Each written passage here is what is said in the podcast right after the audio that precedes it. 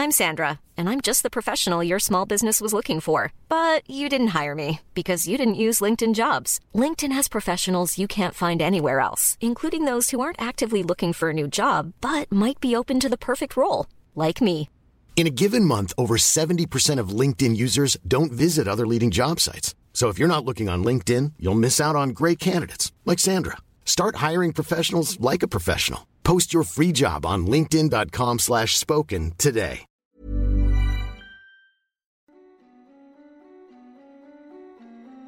Hej och välkommen till Skräckstunden. En podcast för dig som älskar skräck.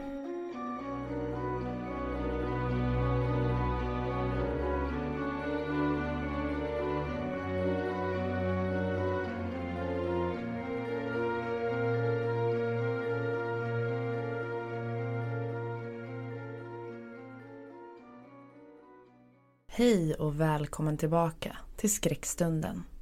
Nu har hösten verkligen kommit och jag hoppas att du som jag njuter av tända ljus, mörkret, lite regn och allt det där som hör hösten till och som gör hösten just lite sådär mysryslig.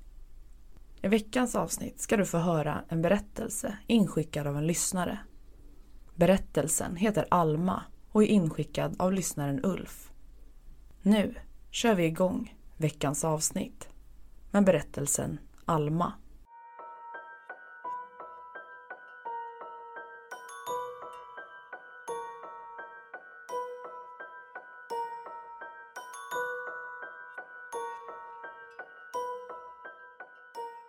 När jag var barn hade vi en hund. Närmare bestämt en blandning mellan schäfer och labrador som hette Alma. Trots att jag var väldigt ung när hon fortfarande var vid liv fylls jag varje gång jag försöker minnas henne av en sorts värme. I alla fall var det så, fram tills för några månader sedan. Det är sällan som de flesta av oss minns våra drömmar, njutningsfulla, surrealistiska eller mardrömslika. Jag var inte på något vis ett undantag, men när jag en morgon vaknade upp och kunde minnas nästintill allt som hade skett under föregående nattens inre synbilder var jag väldigt överraskad. I drömmen var jag i min nuvarande ålder. Skogen som jag befann mig i påminde om de som omgav mitt barndomshem i Dalarna. Det var tyst, bortsett från det svaga ljudet av hundskall. Kunde det ha varit...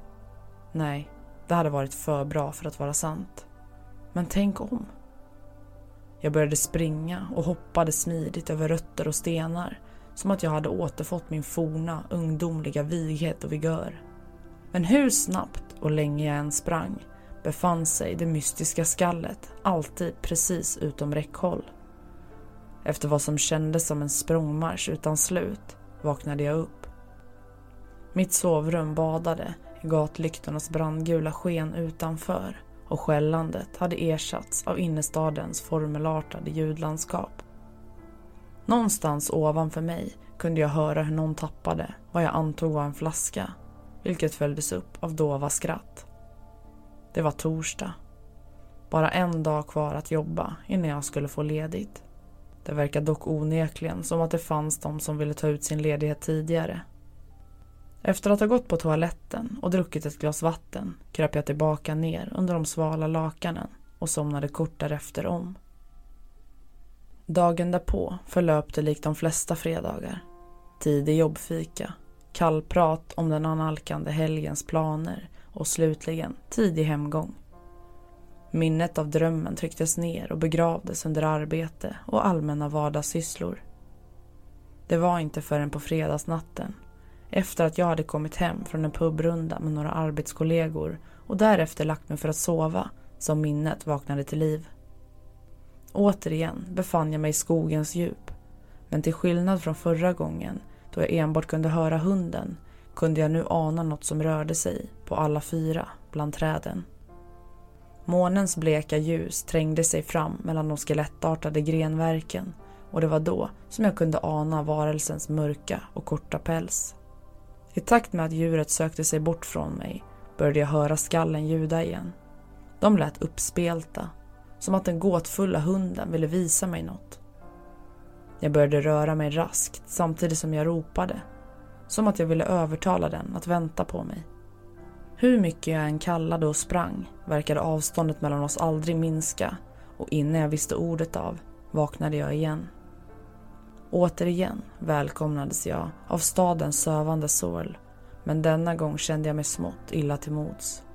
Jag bestämde mig därför för att koka mig en kopp sövande godnatte och knappt 30 minuter senare lyckades jag somna om. Dagarna som följde var lika händelselösa som de sistkomna och även denna gång lyckades jag förtränga min senaste dröm. Det var förvisso besynnerligt tänkte jag, att jag nu hade börjat komma ihåg mina drömmar. Men även denna tanke förpassade jag till en mörk vrå av mitt undermedvetna. Men det var efter den tredje drömmen som jag faktiskt började bli orolig.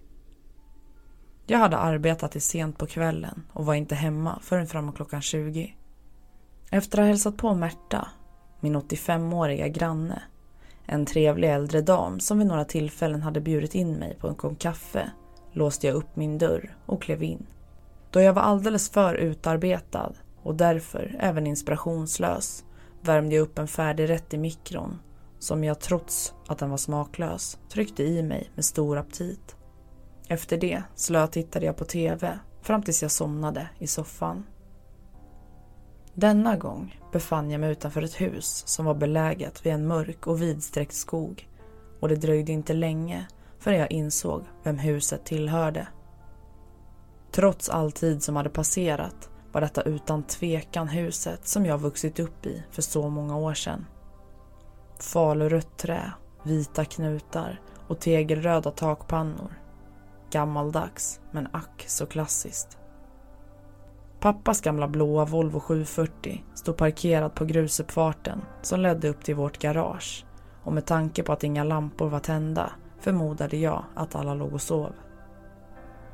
Det var glest mellan våra grannar, säkert minst en kilometer och därför kändes platsen lika ödslig som den hade gjort i verkligheten. När jag tog ett steg mot byggnaden stannade jag upp eftersom jag hörde något. Det var ett skall, identiskt med dem jag hade erfarat tidigare.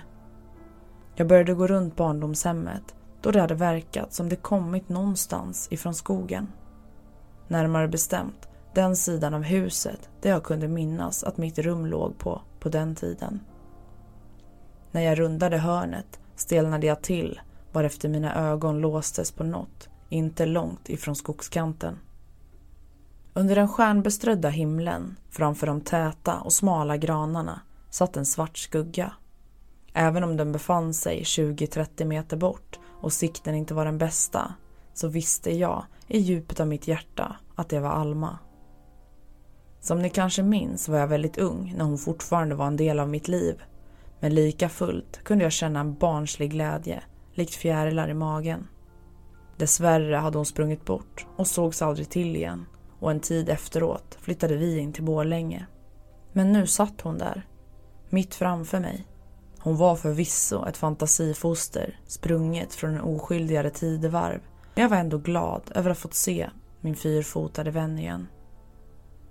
Jag började röra mig mot henne men hejdade mig själv när jag hade kommit närmare. Något kändes fel men det tog några sekunder innan jag insåg vad det var som avvek. Hennes svarta päls, pigga och alerta öron samt öppna mun med nästintill kritvita tänder och flämtande tunga var sig lika. Däremot var det som att hennes ögon hade förändrats. De hade bytts ut mot någonting annat. Någonting som inte kändes lika lekfullt och nyfiket. Dessa ögon, som var iskalla och blåa istället för kastanjebruna, utstrålade en hunger. Ett bråddjupt och kalkylerat intellekt som av någon anledning kändes rudimentärt och blodlystet. Det finns djur i vår Herres hage som detta skulle kunna liknas vid men det gick inte att förneka att det var en abnormitet. Något mer än blott ett djur. Jag kände mig som ett intet ont anande villebråd långt bort från hemmets trygga barm. Men innan något hann ske lyckades jag återvända till det verkliga livet. Dagen efter, på lunchen, satt jag och surfade på telefonen efter att jag hade fått idén att jag skulle gräva djupare i drömtidningarnas, för mig, okända värld. Det fanns självfallet flera olika betydelser och tolkningar gällande vad en hund kunde symbolisera. Bland annat intuition, lojalitet, generositet och trohet. Hunden kunde även antyda att den starka värderingar och goda avsikter skulle kunna ge dig framgångar. Men det var när jag läste på om betydelsen gällande att drömma om sin egna hund som jag drog min slutsats. Enligt denna förklaring saknade jag något eller någon i mitt liv. Men det kunde även innebära att jag borde slappna av och helt enkelt varva ner. Med tanke på att det hade varit väldigt stressigt den senaste tiden i och med min flytt till den nya lägenheten samt långa timmar på jobbet tänkte jag att dessa faktorer mycket väl kunde ha gett upphov till den senaste tidens nattliga sinnesbilder.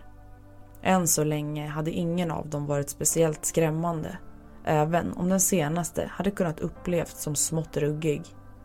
Även om mina minnen av Alma kanske inte var hundraprocentigt glasklara hade jag aldrig haft uppfattningen att hon på något vis uppfört sig hotfullt, snarare tvärtom. Hon var en beskyddare, en trofast och lojal vän. Det var i alla fall den bilden som mina föräldrar målade upp varje gång hon kom på tal åren efter hon försvann. Precis innan jag skulle bege mig hemåt bad jag om att få prata med min chef, Karina. Efter att ha frågat henne om det gick bra att jag tog ledigt några dagar så log hon och sa att det inte var några som helst problem. Det bestämdes att jag skulle få tre dagar, vilket jag kände förmodligen skulle vara tillräckligt. Förhoppningsvis skulle detta göra mig gott och så fort jag kom hem började jag planera vad jag skulle hitta på under min ledighet. Dock så bestämde jag mig för att inte göra några större utflykter utan ägnade istället mycket tid åt att fixa små bestyr i lägenheten. Jag lyckades även se till att göra ett besök hos en arbetskamrat till mig som hade ett hus i Göteborgs skärgård. Vädret var strålande och ölen samt skaldjuren smakade himmelskt.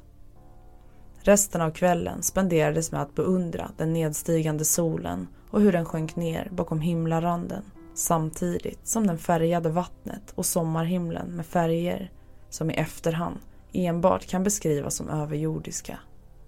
Efter att ha diskuterat allt ifrån jobb, karriär, resor och gamla förhållanden som gått i kras erbjöd min kollega, som för övrigt hette Klas, att jag kunde få sova över i hans gästrum med tanke på att vi båda var långt ifrån nyktra.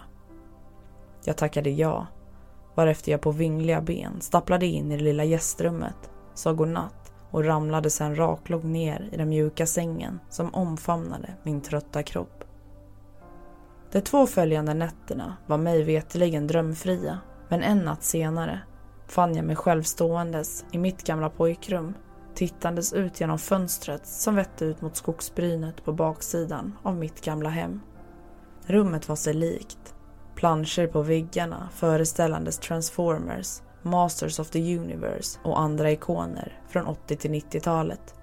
Min mamma hade alltid varit en väldigt pedantisk kvinna och därför såg hon alltid till att mitt rum var skinande rent och organiserat. I drömmarnas värld gällde samma sak. Alla mina leksaker stod uppställda i klanderfria led på hyllor och min Amiga 500 som jag hade fått ärva av min äldre bror när han hade flyttat till Stockholm för att studera stod under tvn som i sin tur vilade på pappas hemmasnickrade tv-bänk. Mitt skrivbord, på vilket man kunde finna ett målarblock med tillhörande askar innehållandes målarkriter som var placerat framför fönstret jag kikade ut igenom. Persiennen rörde sig svagt i den friska och smått kyliga nattbrisen. För stunden kunde jag inte se någonting utöver den vildvuxna gräsmattan som sträckte sig hela vägen fram mot skogsbrynet. Bortom de tättstående granarna var det kolmörkt och tyst. Tiden gick och när jag inte trodde att något skulle hända invaderades tystnaden av ett ljud. Jag hade nog vid det här laget förväntat mig ett hundskall men istället hörde jag ett svagt skrapande likt klor som drogs mot trä. Detta upprepades några gånger och under den tiden hade jag dragit mig bakåt mot sängen som jag sen sjönk ner i. För tillfället var den bäddad med ett Spiderman-lakan och tysta åskådare beståendes av mina gamla gosedjur satt och blickade ut över rummet. Men plötsligt började jag se hur någonting mörkt långsamt började uppenbara sig i fönstret. Försiktigt trädde det fram, till synes formlöst och hotfullt. Men precis innan det kändes som att mitt hjärta skulle fastna i halsgropen kunde jag i månljuset se vad det var. Eller snarare, vem det var. Alma. Hon kikade nyfiket upp från bakom fönsterblecket och hennes andedräkt blev till rök i den mörka och kyliga natten. Ögonen, som jag sist hade upplevt som avvikande och obehagliga, hade nu återfått sin kastanjebruna färg som i sin tur emanerade värme och kärlek. Jag drog en djup suck och ställde mig upp samtidigt som hon följde minsta lilla rörelse med sin blick. Sen började jag smyga mig närmare. Trots att det var en dröm, det vill säga ett tillstånd som ibland sägs bestå av dagrester och ouppfyllda begär. Detta kan kännas verkligt under tiden det hela pågår innan den sen faller i glömska när drömmen upphör. Jag ville röra vid henne. Med mina fingrar önskade jag att få smeka hennes täta, silkeslena päls, om så bara för en sista gång. Men även om euforin växte i mitt bröst och hela scenariot kändes harmoniskt började en avlägsen vämjelse sakteliga uppenbara sig. Det skrapande ljudet hade återvänt. Jag vet inte riktigt hur jag ska beskriva vad som hände härnäst, men jag ska försöka göra mitt bästa. Kort efter att ljudet hade tagit vid igen möttes våra blickar. Det var som att hennes ögon började ändra skepnad precis framför mig. Från oskyldiga och kärleksfulla till kalla och kalkylerande. Den varma kastanjebruna färgen dränerades och vad som sen kvarstod var isande blå som nästan övergick till vit. Irisar som omgav bottenlösa och samtidigt genomträngande svarta pupiller.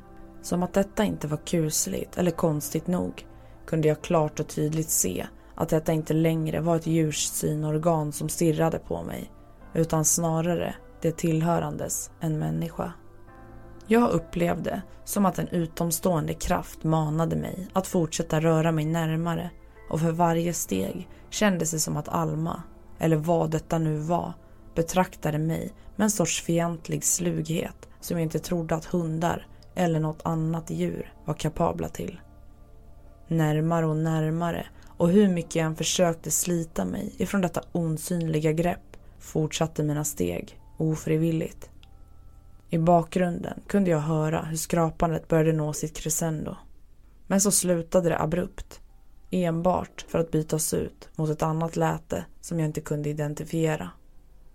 Det var som att någonting gned sig mot väggen utanför och sökte sig närmare fönsterblecket. Var hon, eller det, på väg att lägga upp sina tassar för att på så vis kunna klättra in? På sätt och vis hade jag rätt. Först uppenbarade sig bleka, korta stumpar likt tjocka dagmaskar.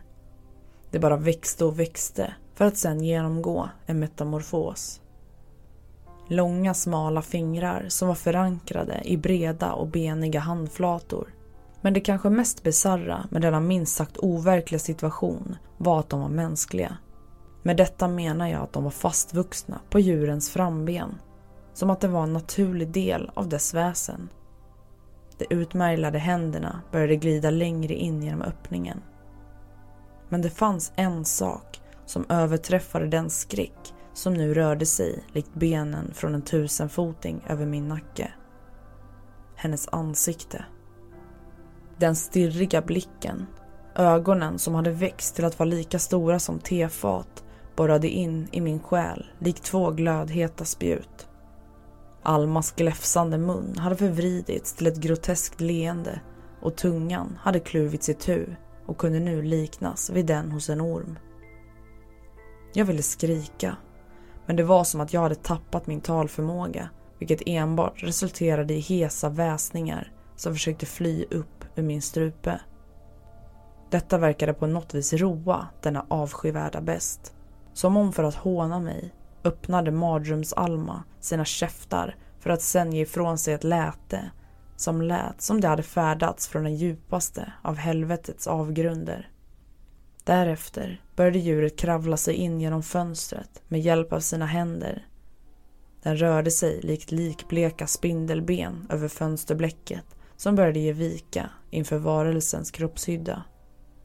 Innan jag hann se mer av dess frånstötande kropp väcktes jag av mitt eget skrik.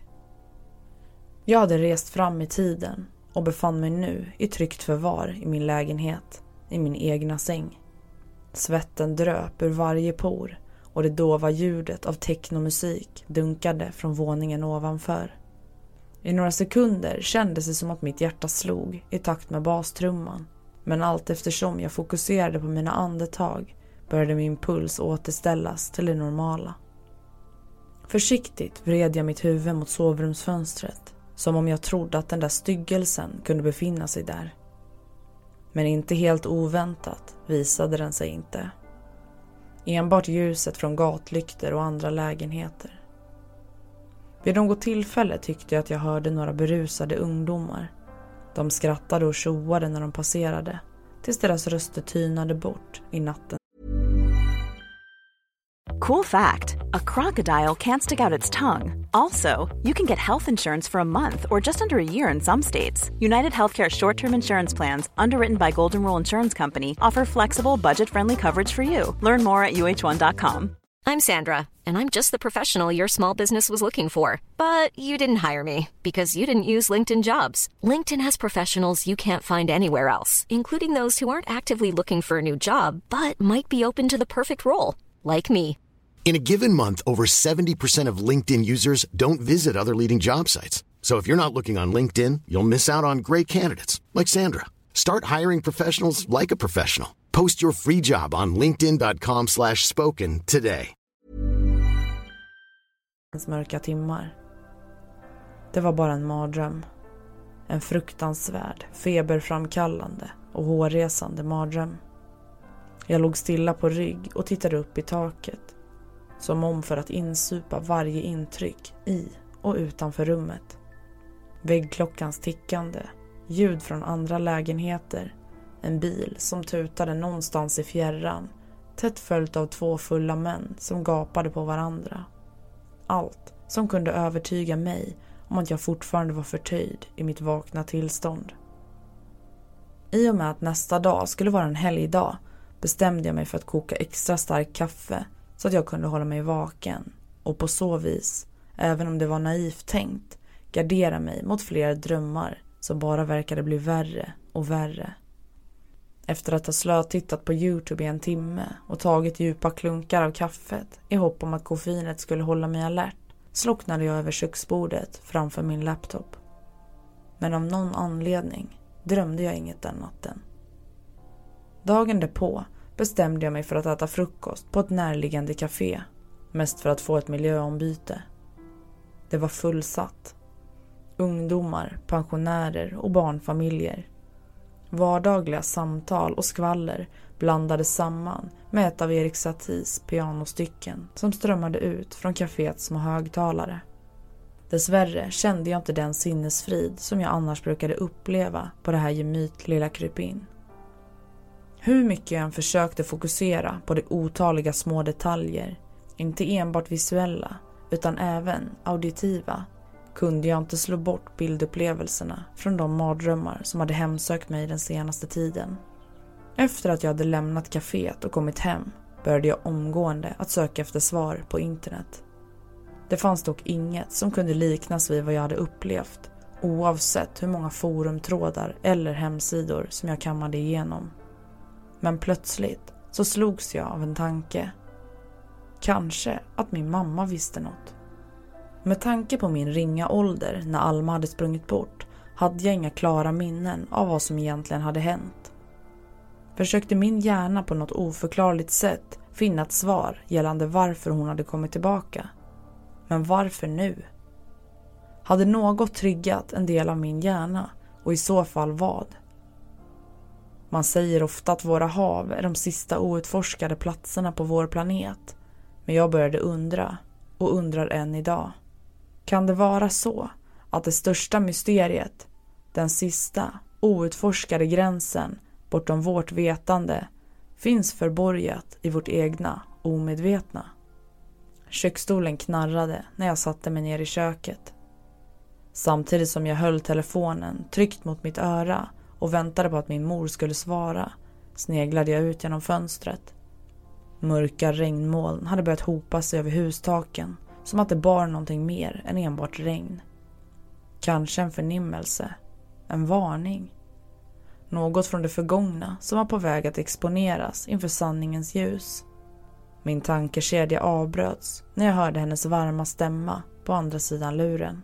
Nej men hej Per, det var länge sedan. Hur är det? Hej mamma, jodå, det är helt okej. Hon hade rätt.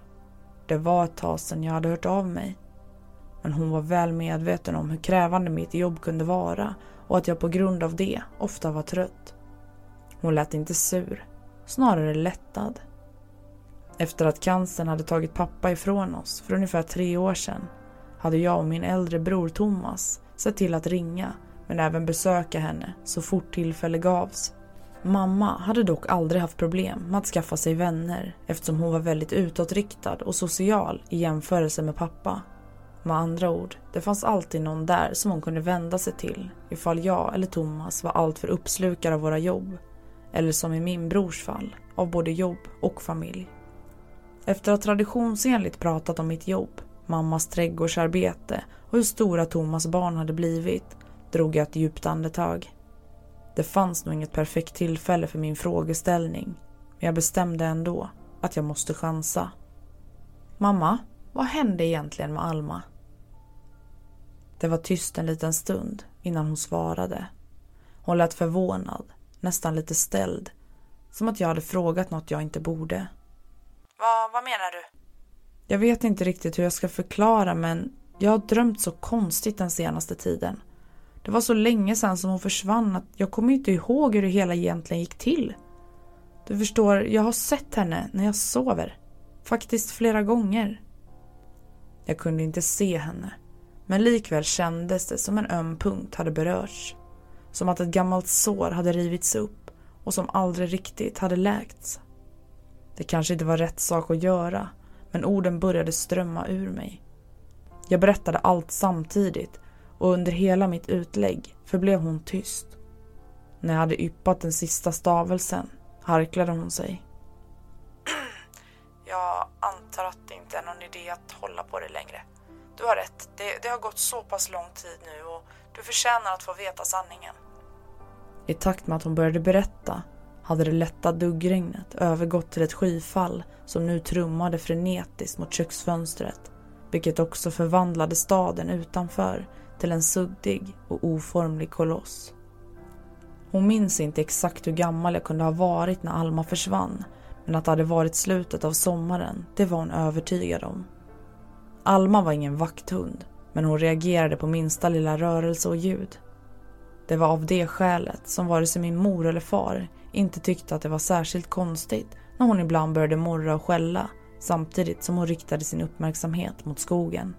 Värst var det om kvällarna. Och till slut bestämde sig pappa för att ta in henne tidigare så att hon inte skulle göra något förhastat. Men så en kväll, när pappa hade varit för upptagen med någonting i garaget, hade Alma sprungit iväg. Det var bara en tidsfråga innan det enda man märkte av henne var hennes skall som långsamt tynade bort tills det försvann helt bland träden och under vegetationen.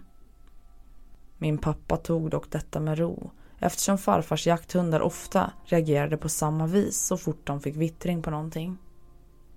De kunde vara borta i flera timmar men de kom alltid tillbaka och det fanns även gånger då de hade lyckats fånga något småvilt. När solen steg upp nästa morgon och man fortfarande inte hade sett till henne började mina föräldrar bli oroliga. Pappa ringde sin bror Gustav som bodde några kilometer bort och som var en van jägare.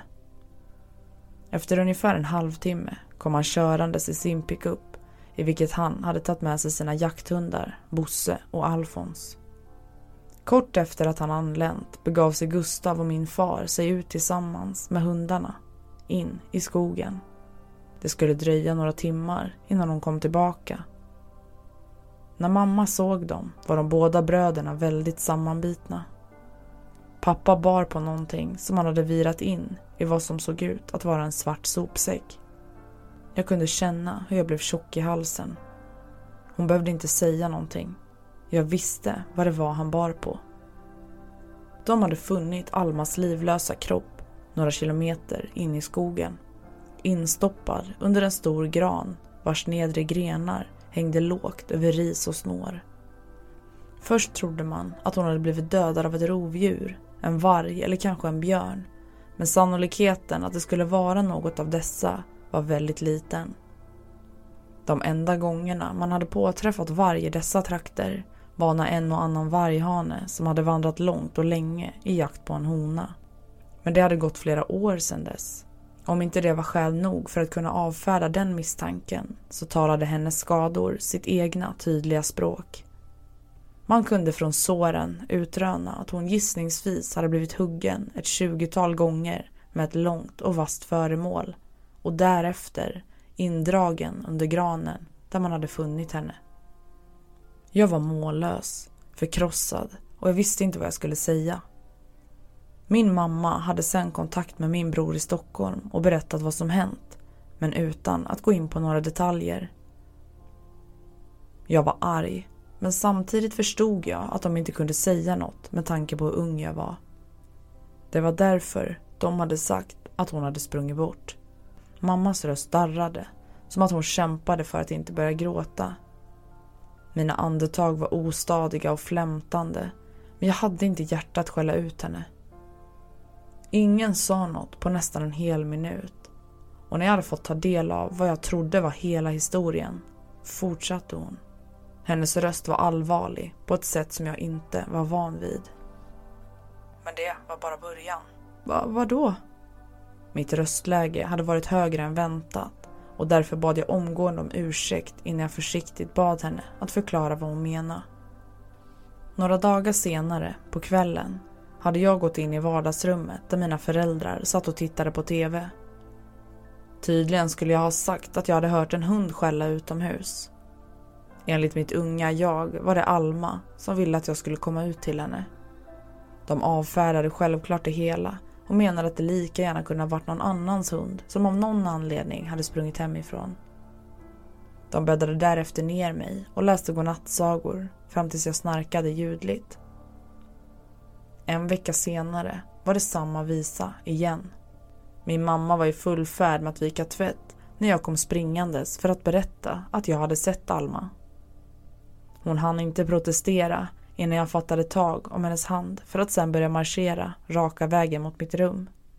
Väl där pekade jag exalterat ut genom fönstret. Mamma tittade efter men såg inget förutom granarna och dunklet innanför.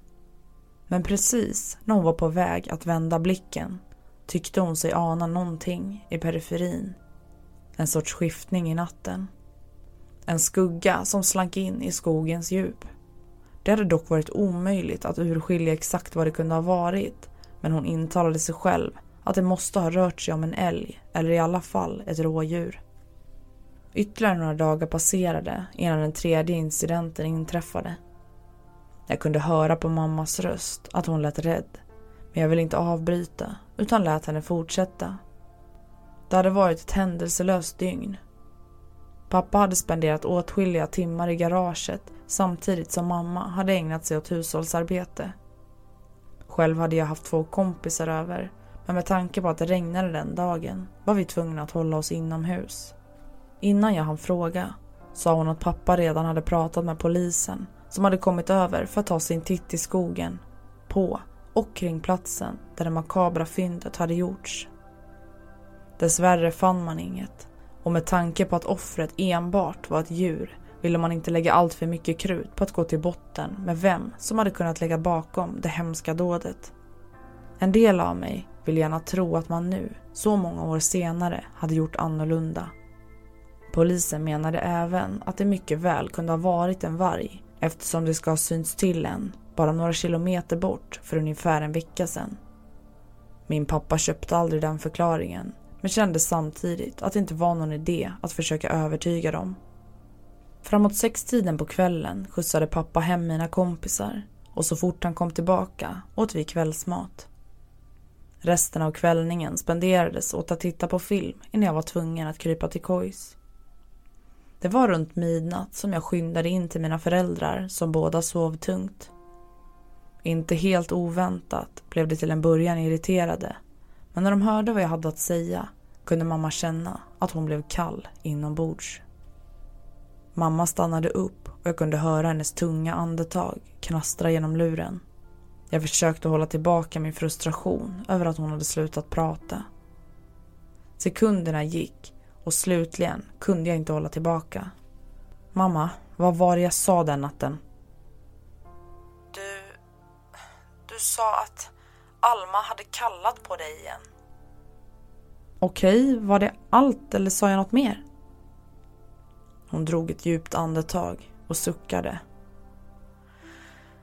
Du sa att hon skrapade mot väggen utanför som att hon ville bli insläppt. Kårar, likt tusentals små vassa nålar, började skicka vågor av fruktan genom varje millimeter av min kropp. Jag var tvungen att lägga min hand över min mun för att på så vis förhindra gallskriket från att tränga sig upp ur mina lungor. Hon fortsatte.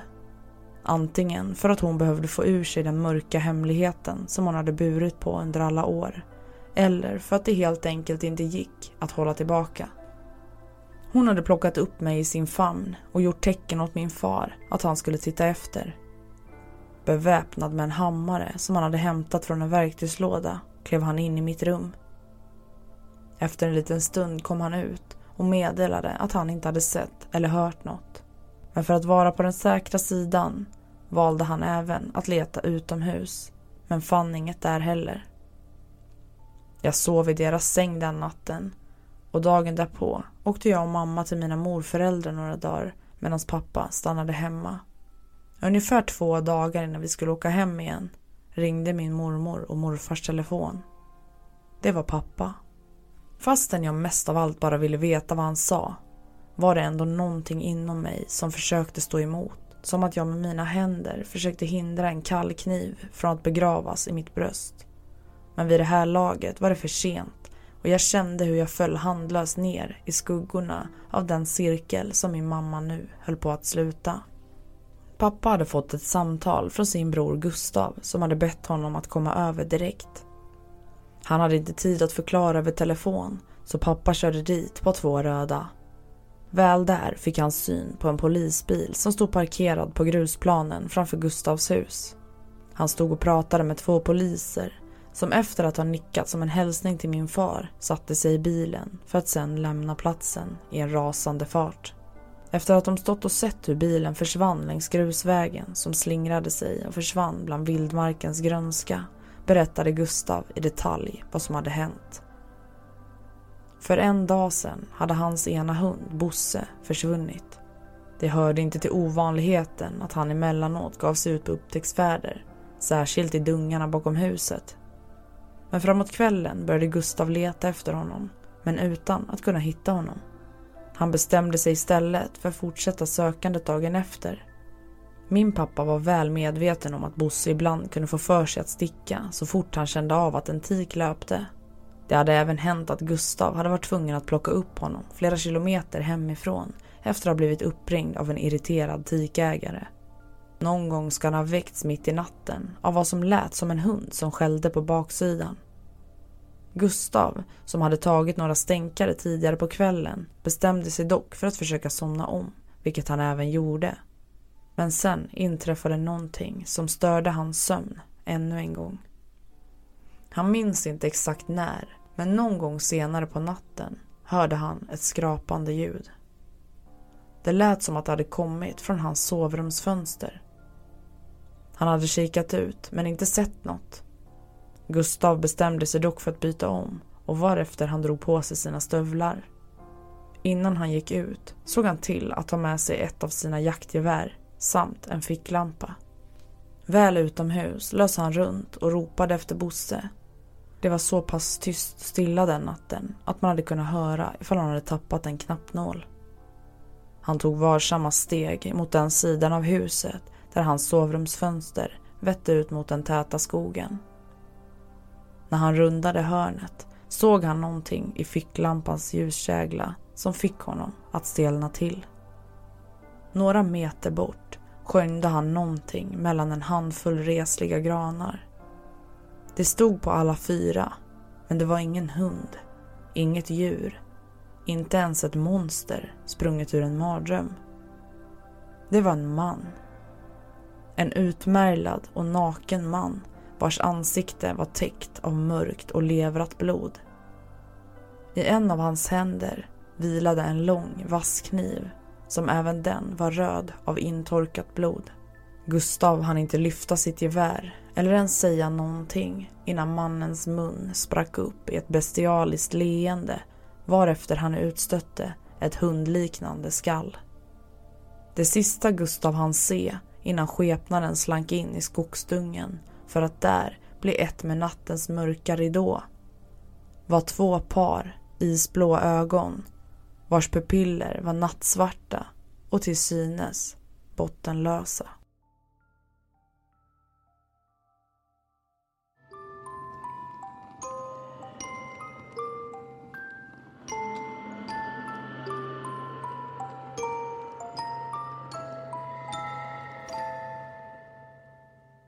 Du har hört berättelsen Alma, inskickad av lyssnaren Ulf.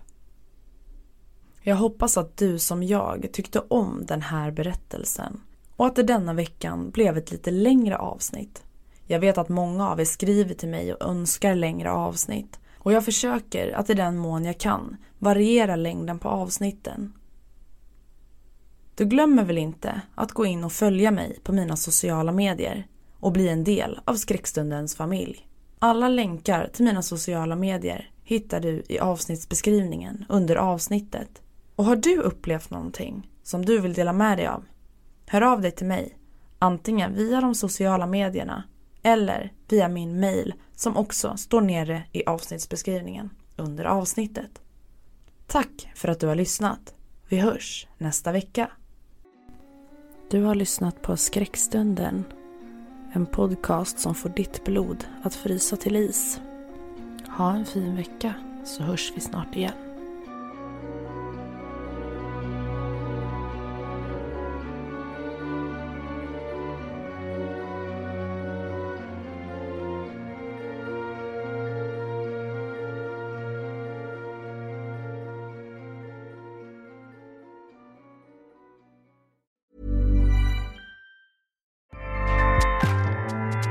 ACAST powers the world's best podcasts.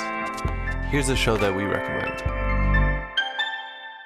The Real Housewives is a guilty pleasure for most, but if you're looking to not feel guilty about that pleasure, tune in to Everything Iconic with me, Danny Pellegrino, where I break down all the messy moments and behind the scenes antics of Bravo's popular franchise. And on Everything Iconic, I also interview celebrity guests like Kelly Ripa, Kiki Palmer, Drew Barrymore, Cameron Diaz, and more about their guilty pleasures, their past work, and so much more.